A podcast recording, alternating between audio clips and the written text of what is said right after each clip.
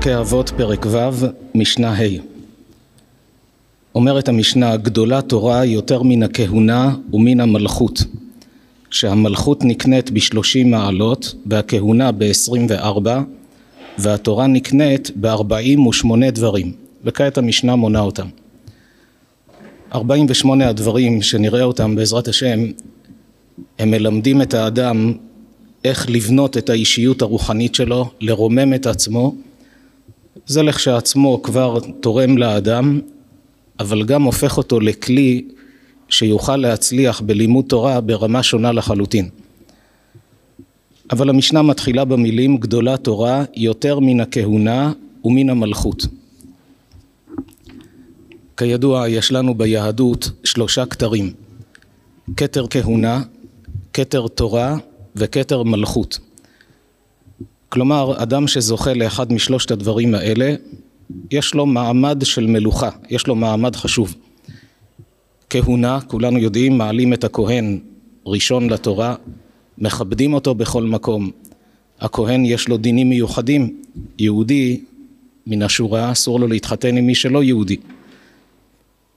אבל כהן, אפילו בתוך עם ישראל, יש כאלה שאסור לו להתחתן איתם, כמו למשל גרושה, אסור לכהן. ואם הוא כהן גדול, אלמנה גם אסורה, צריך לקחת רק בחורה רווקה. ככל שהאדם נמצא במעמד יותר גבוה, גם הדרישות של הקדוש ברוך הוא ממנו הן דרישות יותר גבוהות. שזה גם מסביר מדוע עם ישראל קיבלו 613 מצוות והגויים רק 7 מצוות.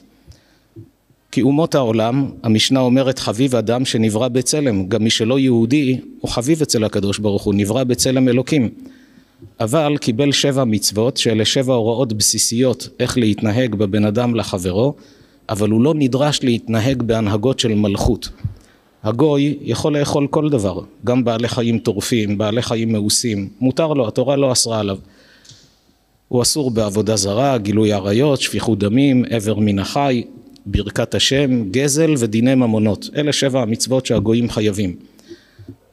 אבל יכול להתחתן סיני, יכול להתחתן עם אמריקאי, אין עם זה שום בעיה, זה גוי וזה גוי, מותרים. קם בבוקר, יכול מיד לרוץ לעבודה.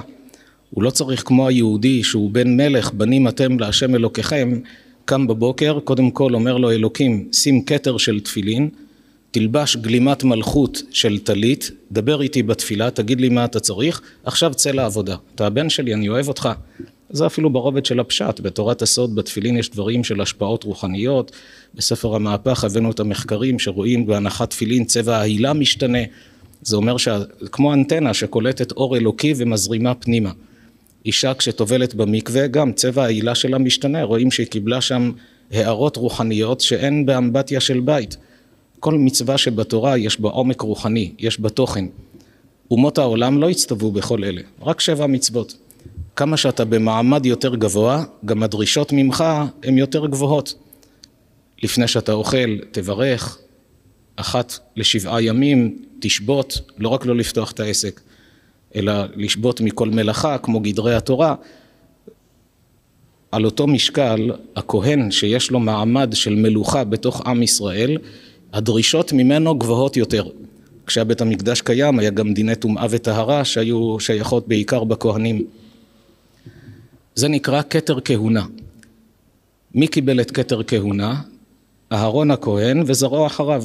אם יבוא יהודי יאמר אני רוצה להיות כהן, גם ישלם כל הון שבעולם, הוא לא יכול להיות כהן. רק זרע אהרון. כתר מלכות ניתן לבית דוד וזרעו אחריו, משבט יהודה. בעם ישראל, חוץ משאול, המלך הראשון שהיה לנו, הוא היה משבט בנימין. אבל לאחר הכישלון שהיה לו עם עמלק, שלא עשה את הדרישה שאמר לו שמואל בשם השם, המלוכה הועברה לשבט יהודה. ומאז בית דוד, מאז ולדורות עולם. גם המלך המשיח יהיה מזרע דוד המלך. זה נקרא כתר מלכות. אפילו אדם שראוי למלוכה, יש לו כישורים, חכם, נבון, מצביא דגול, אתה יכול להיות רמטכ"ל, יכול להיות שר הביטחון, אבל מלך ישראל חייב להיות מזרע בית דוד. אלה שני הכתרים של כהונה ומלכות.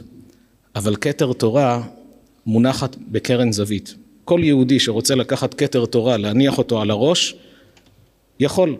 כתוב מן מלכי רבנן, כשאדם עוסק בתורה, נהיה תלמיד חכם, אפילו נולד בבית הכי פשוט, התורה לא עוברת בירושה.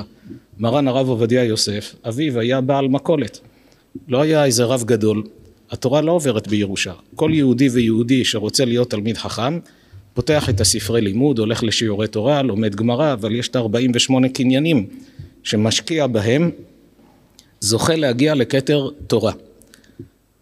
במבט רגיל נראה ששלושת הכתרים באותה רמה. אומרת המשנה, גדולה תורה יותר מן הכהונה ומן המלכות. יש לזה השלכות הלכתיות. הזכרנו כבר שכשיש כהן וישראל מכבדים את הכהן, עולה לתורה ראשון, או למשל יושבים הלכה למעשה, נמצאים באירוע, ויש על השולחן מנות שונות, מנה עיקרית שהגישו וכל אדם יכול לקחת לעצמו. אם יש כהן שיושב ליד השולחן, מכבדים אותו ליטול מנה יפה בראש. בבקשה, תיקח, מה אתה בוחר? האחרים יאכלו את, ה... את הדברים האחרים. אם הוא מעדיף לאכול את השניצל, אז הוא ייקח, לא יישאר לאחרים, מכבדים אותו קודם כל. זה דין שבעיקר היה בבית המקדש, אבל יש לזה השלכה, לכן גם מעלים אותו לתורה. אבל מה יהיה הדין אם יש כהן גדול, שזה בעצם בין הכהנים הוא הבכיר שבהם, כהן גדול עם בגדי כהונה, עם כל מדי השרד של אבני החושן, ציץ נזר הקודש, היה לו על המוח עם שם השם, הציץ הזה היה בו עוצמות רוחניות אדירות, זה היה כמו מכשיר קרינה. בתורה כתוב שכשבלעם עשה כישופים והעלה את מלכי מדיין באוויר, כשעם ישראל נלחם במדיין אחרי הסיפור של בנות מדיין שהחטיאו את עם ישראל, הקדוש ברוך הוא אמר למשה שינקום נקמת ישראל מאת המדיינים ואחר תאסף אל עמך. כשיצאו למלחמה בלעם היה ביניהם. ועם ישראל מנצח בקרב כשהתקרבו לחמשת מלכי מדיין בלעם היה לו יכולת בכישופים שלו יודע היום אין ידיעות כאלה. אז ידעו איך לעשות פעולות מהסוג הזה כמו חרטומי מצרים שהפכו גם הם מים לדם עשו פעולות שונות הפכו מקל לנחש אז ידעו איך עושים את הדברים האלה בכוחות הטומאה. ובלעם היה עושה מה שעושה והם מתרוממים באוויר. כמו שמכניס אותם לאיזה בועה רוחנית כזאת שהיא מנתקת אותם מעל הקרקע נגד כוח המשיכה והם מרחפים. אז לא היה אקדחים ורובים. כשהוא מרחף באוויר מי יכול לפגוע בו עם החרב? אומרת התורה שכשפנחס ואלעזר יצאו למלחמה, לקחו איתם את ציץ נזר הקודש, כלי הקודש וחצוצרות התרועה בידם. מה זה כלי הקודש? רש"י שם מביא את חז"ל, שזה היה הציץ. מה יש להם לעשות במלחמה עם ציץ נזר הקודש של הכהן הגדול? כשבלעם עשה את הכישוף והעלה את מלכי מדיין לאוויר, היה מראה להם את הציץ, הכהן גדול היה לוקח את הציץ, מכוון כנגדם, כמו מכשיר קרינה. והאור שהיה בוקע, הקרינה הזאת שבוקעת משם הוויה, שהיה בשם בציץ נזר הקודש, היה מבטל את הכישוף מעליהם, והם היו נופלים ונהרגים. וזה מה שכתוב, ואת חמשת מלכי מדיין הרגו על חלליהם. מה זה על חלליהם? הרגו עם חלליהם, מה זה על? הם היו נופלים על החללים ונהרגים על ידי יש היום בטכנולוגיה קרינות, לייזרים, והתורה כבר מדברת על כך שהיה מושגים כאלה, גם החקיקה שהיו חוקקים בחושן המשפט, את השמות, כתוב שהיה מראה להם שמיר מבחוץ, הייתה תולעת שמיר, בספר המהפך הבאנו את המקורות, והתולעת הזו היה יוצא ממנה קרינה, לא היה מניח על, מראה כנגד, והייתה מבקעת צורה של אותיות, איך שהיו מכוונים אותה. כל המושגים של קרינות, דברים שהיום יודעים אותם מהטכנולוגיה, הם הכירו מהטבע, מהצד של הקדושה, הייתה פעילות כזאת. יוצא שכהן גדול, אדם בדרגה רוחנית מאוד גבוהה. נתאר לעצמנו שנכנס כעת כהן גדול פה בית הכנסת הגדול בתל אביב, כולנו מכבדים אותו כבוד גדול כשבית המקדש היה קיים. אבל כתוב בהלכה, ממזר תלמיד חכם קודם לכהן גדול עם הארץ. אם יש כהן גדול שלא למד תורה, יודע קצת, אז עשו אותו כהן גדול. ויש ממזר, אשת איש, שנולד ממנה בן באיסור, הבן הזה ממזר, אסור לו לבוא בקהל. ממזר זה אותיות מ' מזר, מ' זה 40 יום שהעובר נוצר, מזר, נולד מאדם זר, לא מבעלה. האדם הזה אסור לו להתחתן עם אה, יהודייה רגילה. לא שהוא אשם, הוא לא אשם, כמו שגרושה, מה, מה תעשה? אסור לכהן להתחתן איתה, לא עניין של אשמה, אלא זה סוג של מעמדות. גם במשפחת המלוכה באנגליה יש חוק שמלך אנגלי אסור לו לשאת גרושה. מי שמכיר קצת את ההיסטוריה של מלכי אנגליה, המלכה אליזבת השנייה של היום, מצד האמת היא לא הייתה אמורה להיות מלכה. היא לא משושלת, כלומר אביה במקור לא היה אמור להיות מלך. הדוד שלה היה מלך אנגליה, אבל הוא התחתן עם גרושה, לא ויתר עליה, וכדי להתחתן עם הגרושה נאלץ לוותר על הכתר. היה זמן קצר מלך, נשא גרושה, על פי חוק היה חייב להתפטר. עבר למדינה אחרת, אחיו התמנה להיות מלך, וביתו זו המלכה של היום. זה חוק. אבל מה היא אשמה הגרושה? אולי בעלה היה לא בסדר? זה לא עניין של אשמה, זה עניין של מעמד. גם בעם ישראל הכהן לא יכול לשאת אישה גרושה, והכהן גדול, גם אלמנה אסור לו לשאת. ממזר, אסור לו להתחתן עם כל יהודי. כל יהודי אסור לו, ממזרת אסור לו להתחתן עם יהודי. והנה, יש ממזר שלמד תורה, נהיה תלמיד חכם. ויש כהן גדול שהוא לא למד תורה, עם הארץ. מי קודם למי על פי ההלכה? את מי מכבדים יותר? את הממזר התלמיד חכם. אתה רואה שכתר תורה גדול יותר מכתר כהונה, אפילו יותר מכהן גדול. אומרת המשנה גדולה תורה יותר מן הכהונה ומן המלכות. והכתר הזה לא תלוי בתורשה. כל אדם יכול ללכת וללמוד. לפעמים אדם ששומע דבר כזה אומר טוב חבל באמת כשהייתי ילד לא נכנסתי לישיבה לא נהייתי תלמיד חכם אני כל כך אוהב תורה כל כך משתוקק לתורה תמיד צריך לזכור את רבי עקיבא רבי עקיבא באיזה גיל התחיל ללמוד לא תורה א' ב' לא ידע קרוא וכתוב היה רועה צאן מתי הוא הפך להיות תלמיד חכם? רק בגיל ארבעים התחיל ללמוד קרוא וכתוב וגם זה לא מיוזמתו זה התנאי שעשתה איתו רחל אתה רוצה להתחתן איתי? הייתה ביתו של כלבה שבוע, עשיר גדול. התנאי שלי שתיכנס לישיבה. כי ראיתי שיש לך פוטנציאל, הוא היה רועה צאן של אביה. אחד מה... היו לו המון עדרי צאן ובקר, ועקיבא היה רועה, אחד מהם. אבל היא זיהתה בו תכונות, פוטנציאל, יכולות, אמרה לו תיכנס לישיבה, אני אתחתן איתך. הלך למד, בסופו של דבר לא רק שנהיה גדול הדור, אלא הוא רבו של רבי שמעון בר יוחאי ושל רבי מאיר בעל הנס. ענקי העולם, תנאים שיכלו להחיות מתים בדיבור שלהם. רבי שמעון חיבר את הזוהר הקדוש, רבי עקיבא עצמו היה דורש כתרי אותיות.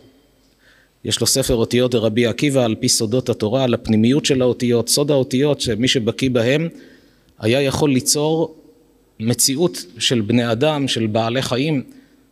אפילו אחרי רבי עקיבא, הגמרא אומרת שרבה ברא גברה, רבה היה תקופה יותר מאוחרת, יש ירידת הדורות. רבי עקיבא היה בתקופת התנאים, רבה היה בתקופת האמוראים, בערך 400 שנה אחריו. והגמרא אומרת שרבה היה בקיא בספר יצירה, בסוד האותיות, מי שבקיא בסוד האותיות שהקדוש ברוך הוא ברא את העולם, זה כמו שיש לו את הקוד איך להיכנס לתוכנה.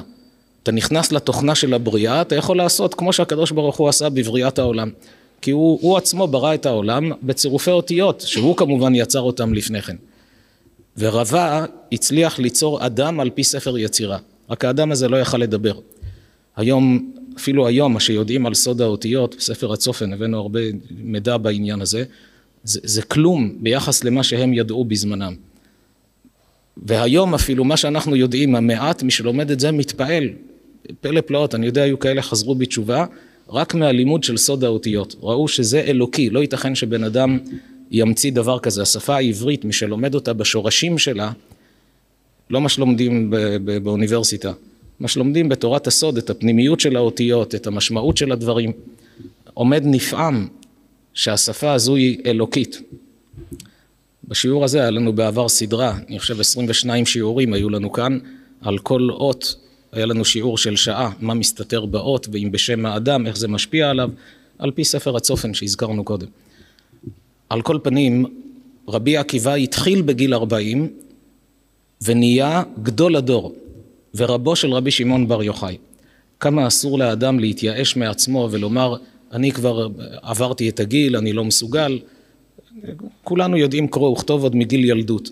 אז ודאי שיכול להשקיע ולעמול ולזכות לכתרה של תורה. נמשיך את המשנה, גדולה תורה יותר מן הכהונה ומן המלכות, שהמלכות נקנית בשלושים מעלות. מלך, כשהוא מתמנה למלך, מצטרפים אליו שלושים מעלות, בסנהדרין שם מונים אותם, הכהונה ב-24 והתורה נקנית בארבעים ושמונה דברים. עכשיו נעבור לפירוט של הדברים, ארבעים ושמונה הדברים האלה, מי שלוקח אותם לעצמו, בתורה ודאי שזה הבסיס העיקרי, מרומם אותו, אבל לא רק בתורה, בכל תחום. אדם רוצה ללמוד, רוצה להשכיל, רוצה להצליח בכל תחום, יאמץ לעצמו את ההדרכה שיש כאן ויגלה מסלולים שבונים אותו, מנתבים אותו, מעלים אותו לגדולה. רק חשוב להקדים, לפני שנראה את הפירוט של הדברים, ישנם מצבים שאדם רוצה להתעלות ברוחניות שלו, אבל הוא מרגיש שזה גדול עליי. איך אפשר להגיע למעלות הגדולות האלה? אני כזה קטן, כזה פשוט, אין סיכוי. היעד נראה לא רחוק, אבל יש כלל בתורה. כשהאדם ממצה את הכוחות שלו, הקדוש ברוך הוא נותן לו סייעתא דשמיא ומקדם אותו בעוצמות אדירות הרבה יותר ממה שהוא התאמץ. אבל עליו מוטל להגיע למיצוי הכוחות. הרב פינקוס אמר פעם למה זה דומה? חללית שצריכה להגיע לירח. אם היו צריכים לתת לה דלק שיניע אותה לאורך כל הדרך, כמו ברגע שהיא יוצאת מכדור הארץ, היו צריכים לקחת מכל דלק בגודל של תל אביב, וספק אם זה היה מספיק. אבל איך זה עובד? מצמידים לחללית סוג של טיל עם דלק שהתפקיד שלו להוציא את החללית מכוח המשיכה. אחרי שהחללית יצאה מכוח המשיכה, היא בקלות כבר עפה לכיוון הירח, לכיוון שמכוונים, מנתבים אותה, היא לא צריכה את כל העוצמות של הדלק כמו כאן. הוא אומר כך גם אדם שרוצה להתעלות ברוחניות, אתה צריך קודם כל דלק כדי לצאת מכוח המשיכה של הגשמיות. אתה תאמץ את הכוחות שלך, פתאום אתה מגלה שמכאן אתה עף לבד, הקדוש ברוך הוא מקדם אותך לגובה. אתה תתאמץ לעשות את מה שמוטל עליך, אחר כך תראה שאתה מתקדם. זה משל יפה שהרב פינקוס הביא מהדור שלנו. בדורות הקודמים הביאו משל מכיוון אחר, אבל גם ממחיש את העניין. מאז שהמציאו את המעליות, אז נתנו את הדוגמה הזו. אדם אחד שהיה מועמד בין כמה לשאת את בת המלך, והמלך ראה שכל המועמדים מצוינים, איך הוא יבחר ביניהם? אמר להם, אני מכין לכם מבחן לא קל, מבחן שיראה שאי אפשר לעמוד בו, אבל מי שיצליח מקבל את ביתי. כולם היו במתח, כל המועמדים. הוציא אותם המלך מחוץ לעיר, ראו שהוא בנה מגדל צר וגבוה מאוד, בקושי רואים את הסוף. ובראש המגדל יש מרפסת קטנה. מציצים לתוך המגדל, רואים שכולו חדר מדרגות מפותלות עד למעלה. אמר להם המלך, יש לכם חצי שעה. מי שיצליח תוך חצי שעה להגיע למרפסת, לצאת החוצה, לנופף יד לשלום, זה אומר שהוא אמיץ, שהוא חכם, שהוא גיבור, שהוא מסוגל, הוא זוכה בביתי. הם הסתכלו, לא האמינו. כדי להגיע למרפסת הזאת, כמה שעות של טיפוס במדרגות, והמלך רוצה תוך חצי שעה, זה לא הגיוני. זה המון קומות. אבל ניסו. הראשון שניסה, הגיע נניח לקומה 30, קומה 40, מסתכל בשעון, רואה 29 דקות עברו, יש לו עוד דקה, ולפניו עוד עשרות קומות כדי להגיע. אמר לעצמו, אין טעם להמשיך, גם ככה אני מותש, ירד. עלה השני, אותו דבר, רואה שיש המון קומות וזמן קצר, ירד. מתייגעים, רצים, מתאמצים, והנה היה שם אחד רציני, אמר לעצמו, אתה לא מתייאש. אתה תמשיך עד מיצוי הכוחות, בלי לעשות חשבון אם תצליח או לא תצליח. תעשה את שלך עד הסוף. וכך עשה. התאמץ, הגיע, מסתכל 29 דקות. יש עוד המון קומות. והוא מתנשף, מזיע כולו, הוא לא יכול. אמר לעצמו, אתה לא מתייאש. המשיך לטפס, הוא כבר לא יכול להרים את הרגליים, התחיל לטפס על ארבע. נשארו ארבעים שניות, הוא לא מתייאש, ממשיך הלאה. והנה, כשנשארו רק שלושים שניות, הוא רואה שהוא הגיע לקומה שהמדרגות הסתיימו, אין מדרגות. יש דלת פתוחה למעלית. נכנס למעלית, לחץ על הכפתור, תוך עשר שניות הגיע לקומה שלמעלה, יצא למרפסת, נופף בידו לשלום, קיבל את בת המלך. כי הוא מיצה את הכוחות. כשהאדם מאמין בעצמו שהוא מסוגל, ממצה את הכוחות, הקדוש ברוך הוא נותן לו סייעתא דשמיא. זה נכון בכל תחום, בשלום בית, בהתגברות על כעסים, בתיקון המידות, בשמירת העיניים, כל ניסיון שיש לאדם בחיים והוא מרגיש שזה גדול עליי, אני לא מסוגל לעמוד בזה. יאמר לעצמו אני ממצה את הכוחות ואז השם יעזור לי. זה מה שכתוב בפסוק, אקרא לאלוהים עליון, לאל גומר עליי. אתה תעשה מה שאתה יכול לעשות, ואז הקדוש ברוך הוא מושיט את היד, מעלה אותך לגדולה, וזה דברים שאנשים מעידים, מוכיחים שזו בדיוק המציאות. נעבור כעת לפירוט הדברים. התורה נקנית ב-48 דברים, הראשון כתוב כאן בתלמוד, מה פירוש בתלמוד? אדם שרוצה להצליח צריך להקדיש זמן כדי ללמוד. לא יאמר לעצמו זה יבוא מאליו, זה יבוא לבד. אני בנסיעות, בדרכים, פה ושם שומע דברי תורה, כשיוצא לי בין מנחה לערבית אני שומע איזה דרשה, ככה אתה לא תתפתח, אתה לא תגדל. אתה רוצה באמת להתפתח בתורה, תקדיש מזמנך, תעמול, תלמד. עצם הלימוד שאדם לומד, פרוטה לפרוטה, מצטרף לחשבון גדול. הוא לא שם לב כמה הוא רוכש עוד ידיעות ועוד ידיעות, עד שנהיה תלמיד חכם. השני, בשמיעת האוזן. יש כאלה כשלומדים קוראים בעיניים. והוא אומר הנה הבנתי מה כתוב כאן. טעות. כשאתה לומד תורה תוציא מהפה, תשמיע לאוזניים. יש בזה כמה מעלות. אגב זה נכון לא רק בלימוד תורה. גם אדם שרוצה להצליח במבחן מסוים, רוצה לזכור את החומר, את הלימוד, ישמיע לאוזניו. כשאדם קורא בעיניים, המוח מקבל מידע דרך כלי אחד. כשאדם משמיע לאוזניים, המוח מקבל את המידע משני כלים, גם דרך העיניים וגם דרך האוזן, ואז זה נחקק יותר. לכן אומר בשמיעת האוזן, כלומר, לא רק שלא תקרא בעיניים, גם אל תסתפק בזה שאתה ממלמל בפה, אלא תן לאוזניים שישמעו את מה שאתה מוציא. כשאדם מוציא מפיו, הדברים נחקקים בזיכרון. לא רק לזיכרון זה מועיל, גם להבין את הדברים יותר טוב. כשאדם משמיע לאוזניו, הוא שם לב. הסברתי נכון, לא הסברתי נכון. אם הוא רק קורא בעיניים, לפעמים הוא חושב שהוא מבין ולא הבין. אבל כשאתה צריך להסביר את הדברים, זה אחרת. בעריכת שפתיים. מה פירוש בעריכת שפתיים? הרי כבר אמר, בשמיעת אוזן. בעריכת שפתיים פירושו של דבר שתסביר את הדברים לעצמך בצורה שאתה עושה מזה מערכה. אתה עורך את הדברים בצורה מסודרת. כי כשאדם מדבר ולא מסביר בקצרה, מי שלומד גמרא יודע, אתה יכול לקרוא קושייה, להסביר אותה בשתי מילים, להגיד הבנתי ולרוץ הלאה. ובפועל אתה חושב שהבנת, אחרי זה התירוץ לא מסתדר והקושייה שעל התירוץ עוד יותר לא מסתדר ואז הוא מתייאש.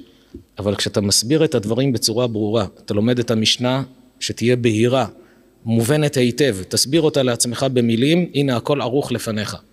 זה נקרא עריכת שפתיים. עכשיו תעבור לגמרא. מה הגמרא מקשה על המשנה?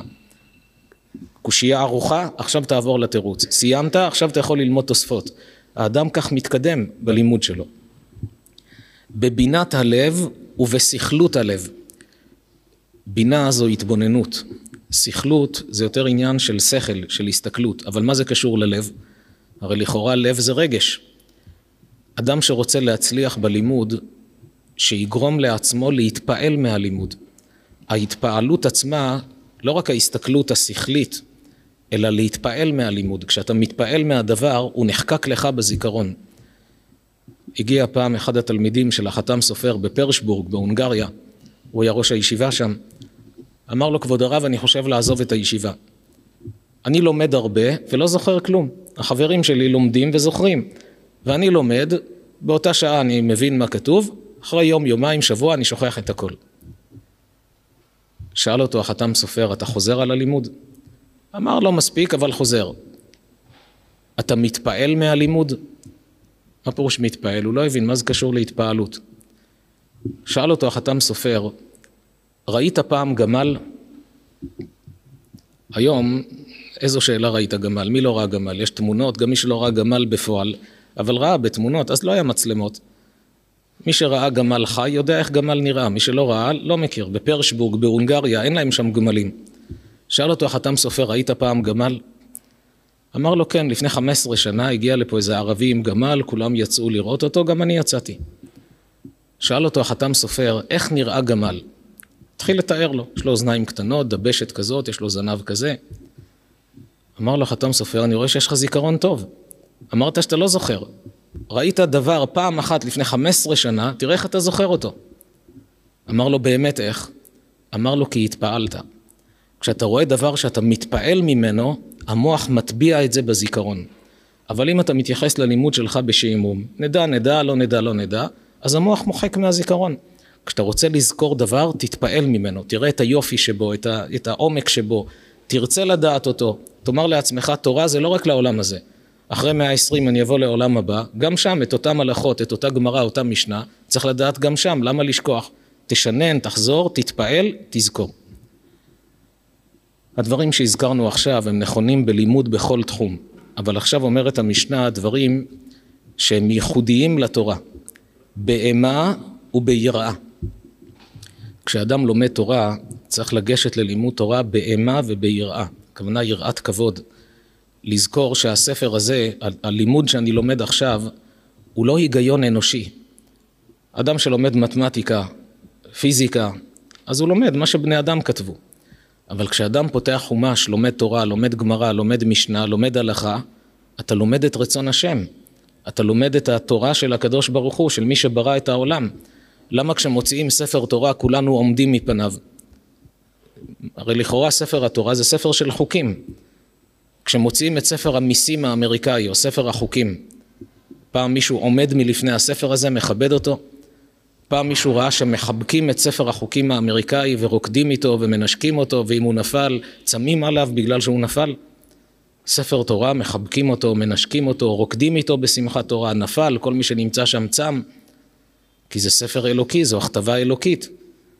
לכן כשאדם ניגש ללימוד תורה צריך לגשת באימה וביראה, יראת כבוד, לדעת זה ספר של בורא עולם, אז אני מתייחס אליו ברצינות.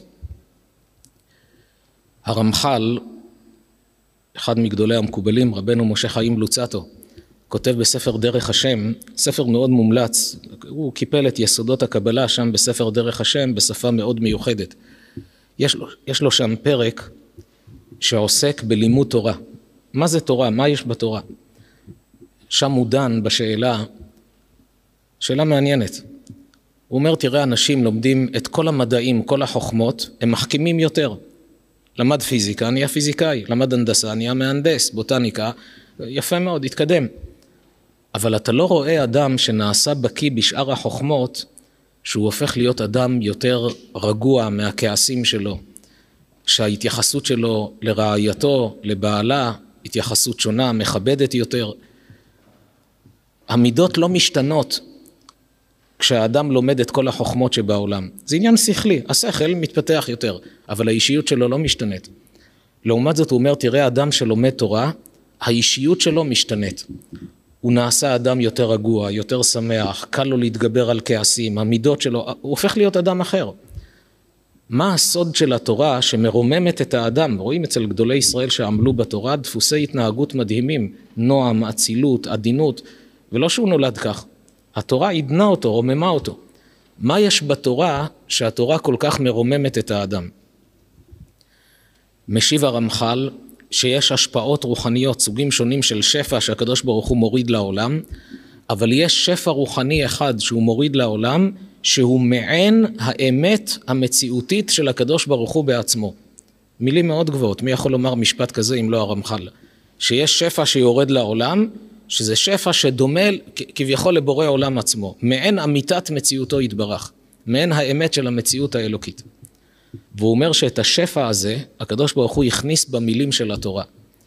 כך שכאשר האדם הוגה בדברי תורה, הוא מתחבר לאותו צינור שפע רוחני והאור האלוקי נכנס לו לתוך הנשמה. אז זה מאיר אותו מבפנים, נותן לו אור פנימי, מקדש אותו, מרומם אותו, משנה אותו מבפנים. כשאדם לומד תורה הוא לא רק מחכים בכל החוכמות, התורה שלנו הפוך בה והפוך בה דכולה בה, כל החוכמות אתה מקבל מהתורה. אבל יש בה גם ממד רוחני פנימי, שהיא מעניקה לאדם אור פנימי, מקדשת אותו, מרוממת אותו. זו הסיבה שהאדם שלומד תורה, לא רק רב גדול, אפילו אדם כל יום קובע עיתים לתורה, יש לו את השעה שלו של דף יומי, לומד הלכה, לומד גמרא, יש לו את הקביעות עיתים לתורה, האדם הזה, הדיבור שלו מקבל כוח. כשהוא אומר לחבר שלו תהיה בריא, הדיבור הזה יש לו עוצמה יותר מאשר אדם רגיל שמברך את חברו. כי הפה שלו התקדש על ידי התורה, הדיבור קיבל כוח. דיברנו כאן פעם, וכדאי לחזור על זה, כדי שנראה מה העוצמה של הדברים של אדם שעוסק בתורה. כי זה גם עונה על קושייה גדולה של כל מי שלומד על משה רבנו, עומד תמה ומתפלא. איך יכול להיות שהקדוש ברוך הוא אמר למשה, דבר עם הסלע ויוציא מים, ומשה הלך והיכה את הסלע. כל מי שקורא את הפרשה שם מתפלא. ומה העונש שהוא קיבל? אומר לו הקדוש ברוך הוא, יען לא האמנתם בי להקדישני, לכן אתה לא תביא את העם לארץ ישראל, אתה תמות במדבר. כי אמרתי לך לדבר, למה הכית? כל מי שרואה את זה תמה. משה לא האמין בקדוש ברוך הוא, מה זה לא האמנתם בי להקדישני? ובכלל, איך הוא עבר על רצון השם? אנחנו כולנו פה היושבים, אנחנו לא משה רבנו, אנשים פשוטים. אבל אם עכשיו הייתה התגלות אלוקית לכל אחד מאיתנו, והקדוש ברוך הוא היה אומר, אתה רואה את הסלע הזה? דבר איתו, הוא יוציא מים. מישהו מאיתנו היה הולך להכות את הסלע? הקדוש ברוך הוא אומר, דבר, אתה מדבר, זה בורא עולם.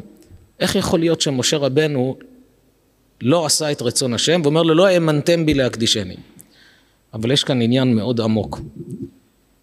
מי ששם לב, כל המופתים והניסים שמשה רבנו עשה לפני קבלת התורה, הוא עשה אותם במעשים ולא בדיבורים. לדיבור שלו לא היה כוח. לפני שהוא קיבל את התורה, לפני שלמד תורה, לא היה כוח לדיבור של משה רבנו. היה צריך לקחת את המקל, להכות את העפר, יהיה קינים. מכה את היאור, הופך לדם. לקח פיח כבשן, העיף אותו לשמיים, מכת שכין. כל, כל הניסים שעשה משה רבנו היו במעשים. לראשונה עכשיו, אחרי שהוא קיבל את התורה, הקדוש ברוך הוא אומר לו, דבר עם הסלע ויוציא מים. למה? אומר לו הקדוש ברוך הוא, אתה כמוני. אחרי שאתה לומד תורה, האור שלי נכנס אל תוך נשמתך, התקדשת, התרוממת, כמו שאני בראתי את העולם בדיבור, גם לדיבור שלך יש כוח. אתה יכול לתת הוראה, אתה לא צריך יותר את המטה. לפני כן הוא היה משתמש במטה שיש עליו את השם המפורש. אמר לו עכשיו אתה לא צריך את המטה, אתה התקדשת, הפכת להיות ספר תורה חי. תדבר עם הסלע, הוא יוציא מים. אבל משה רבנו, כולנו מכירים מה כתוב עליו, והאיש משה ענב מאוד מכל האדם אשר על פני האדמה. משה יש בו ענווה מופלגת. הוא אומר, אני כמו בורא עולם, אני אדם פשוט, אני ממשיך להיות כמו שהייתי עד היום. עד היום איך הייתי עושה מופתים? על ידי המטה עם שם המפורש, אני ממשיך עם המטה. ודאי שהוא ידע שאם הוא ידבר זה יקרה, אבל הוא לא היה מסוגל, בענווה שלו, הוא אמר, אני, אני לא יכול להראות את עצמי שאני כמו אלוקים, בדיבור יוצר מציאות. אבל הקדוש ברוך הוא נזף בו על זה. אמר לו, יען לא האמנתם בי להקדישני. בתורה כל אות מדויקת.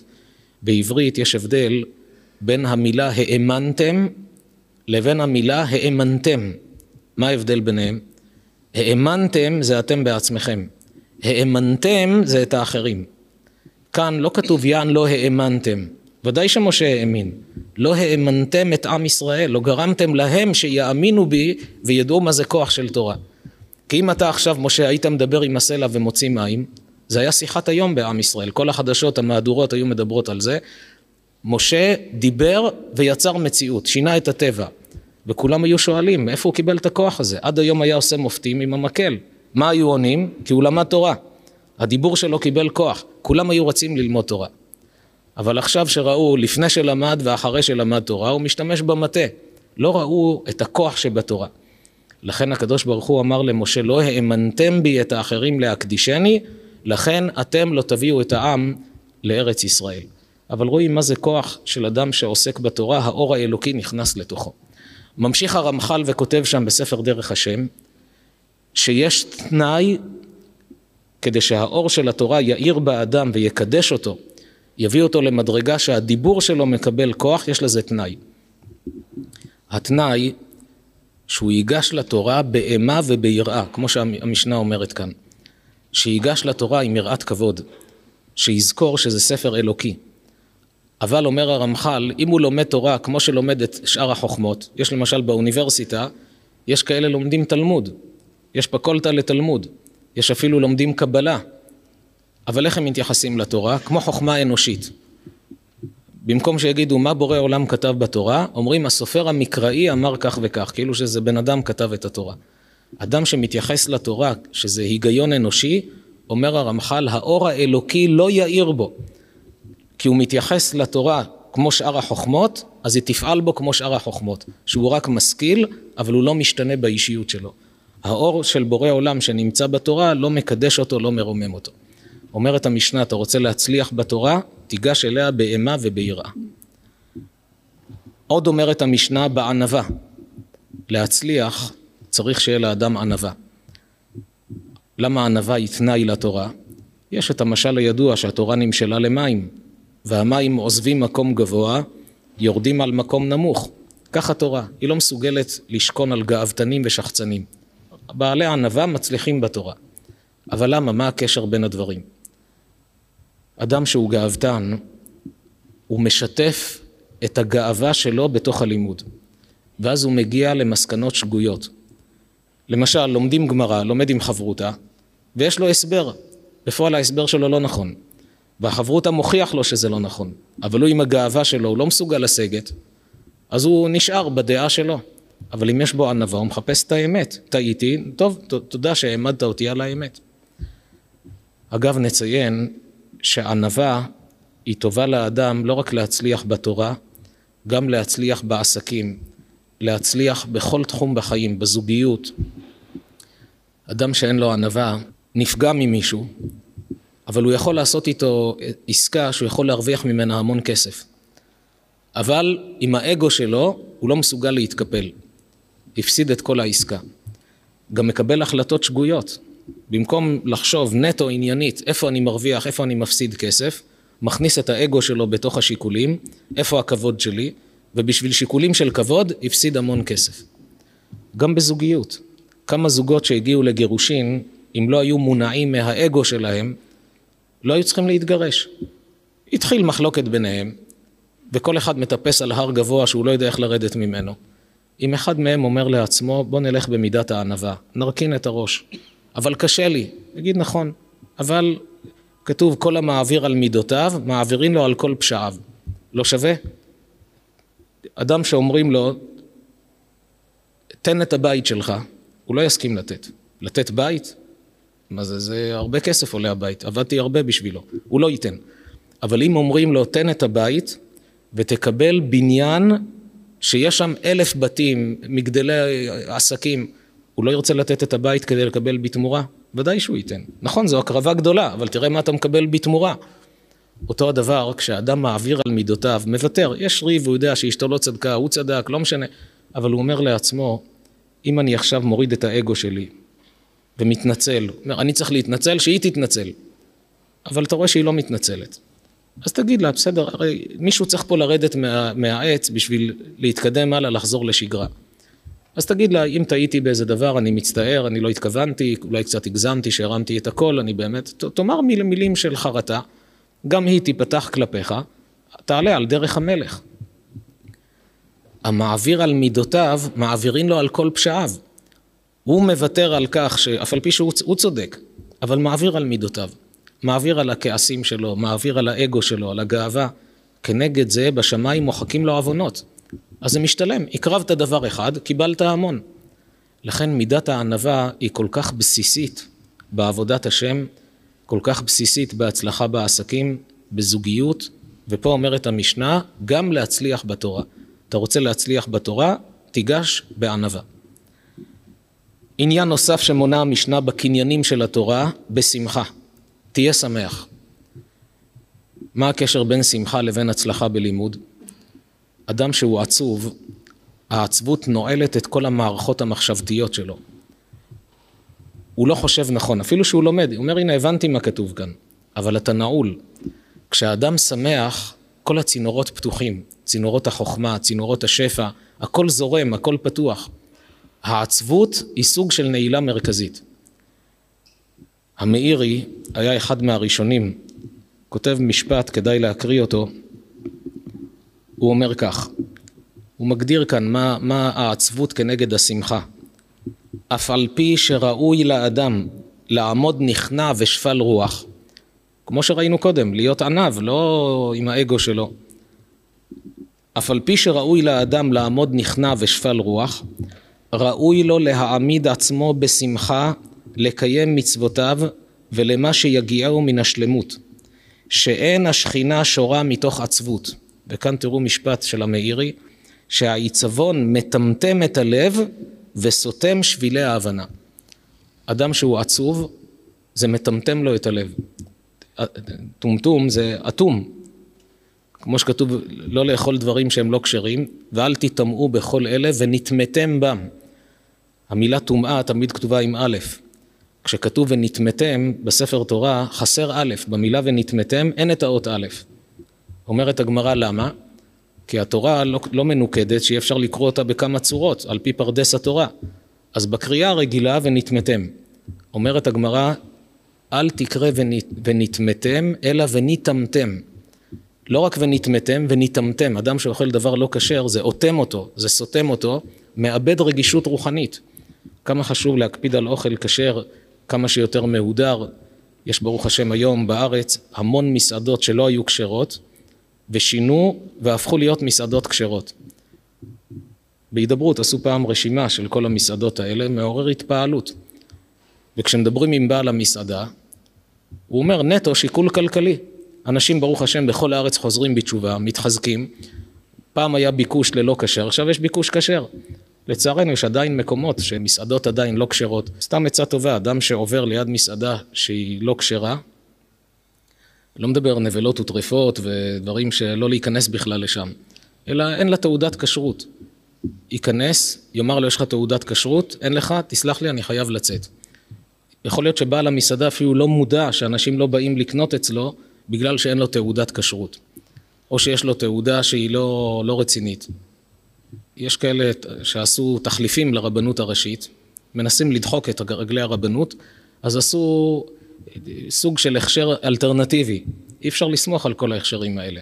זה לא, לא רציני. תגיד למוכר, יש לך את התעודה הזאת, אין לך של הרבנות, אני מצטער, אני לא קונה ממך. חבל שאין לך, אני מאוד הייתי רוצה לקנות. ככה מכניסים מודעות לאנשים שיבינו, ובאמת יש מקומות בארץ ששינו, ממש היו מסעדות אפילו נבלות וטרפות, שהפכו להיות מסעדות כשרות. דבר שהוא לא כשר, הוא אוטם את המערכות הרוחניות של האדם. כך גם אומר כאן המאירי, העצבות היא אוטמת, מטמטמת, אוטמת זה סותמת את הרגישות של הלב של האדם. רק יש כאן שאלה, אומרים לאדם תשמח, אתה צריך לשכנע אותי להיות שמח, אני רוצה להיות שמח אבל לא תלוי בי. יש אדם שהוא לא רוצה להיות שמח, איך אפשר לומר לו עבדו את השם בשמחה? אתה יכול להגיד לי תניח תפילין, בסדר אני אניח תפילין זה עניין של מעשה אבל אתה אומר לי, עבדו את השם בשמחה? איך אפשר לדרוש מהאדם לעבוד את השם בשמחה? הוא עונה, זה לא תלוי בי. אבל התשובה נמצאת במילה בשמחה. המילה בשמחה, הופכים את סדר האותיות, מקבלים את המילה מחשבה. לומר לאדם, תדע שהשמחה תלויה במחשבה שלך. אם תסתכל נכון על החיים, אתה תהיה שמח. איך מסתכלים נכון על החיים? יש כזה משפט שאנשים אומרים אותו ובטוחים שהם אמרו משפט יפה, משפט חכם, ביהדות הוא בכלל לא נכון. כשרוצים לעודד אדם שרואים אותו עצוב, האימא אומרת לבן, אל תסתכל על חצי הכוס הריקה, תסתכל על חצי הכוס המלאה, תראה כמה, נכון, זה, זה רע, זה לא טוב, אבל יש לך גם את זה. המשפט הזה נשמע יפה, אבל הוא לא נכון מנקודת מבט יהודית. ביהדות אנחנו יודעים, גמרא בברכות, כל דאביד רחמנה לתו אביד. כל מה שהקדוש ברוך הוא עושה זה לטובה. אז האמא צריכה לומר לבן, זה לא שתסתכל על חצי הכוס המלאה ולא על הריקה. לומר לו, יש לך כוס מלאה, חצי אתה רואה, חצי אתה לא רואה.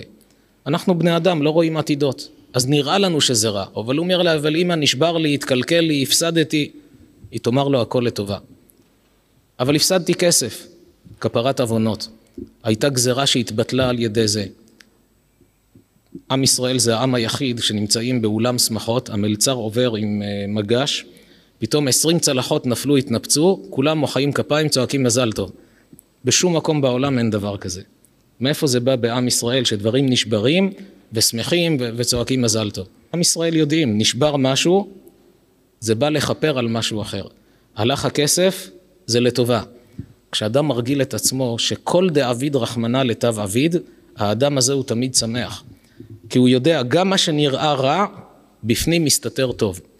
בתורת הקבלה ידוע, שם הוויה, י' כו' כ', זה שם של מידת הרחמים. שם אלוקים זה שם של מידת הדין. אליהו הנביא, שם כתוב בסיפור של הר הכרמל, כתוב שכל העם צעק, השם הוא האלוקים, השם הוא האלוקים. גם בסליחות אומרים את הפסוק הזה, השם הוא האלוקים.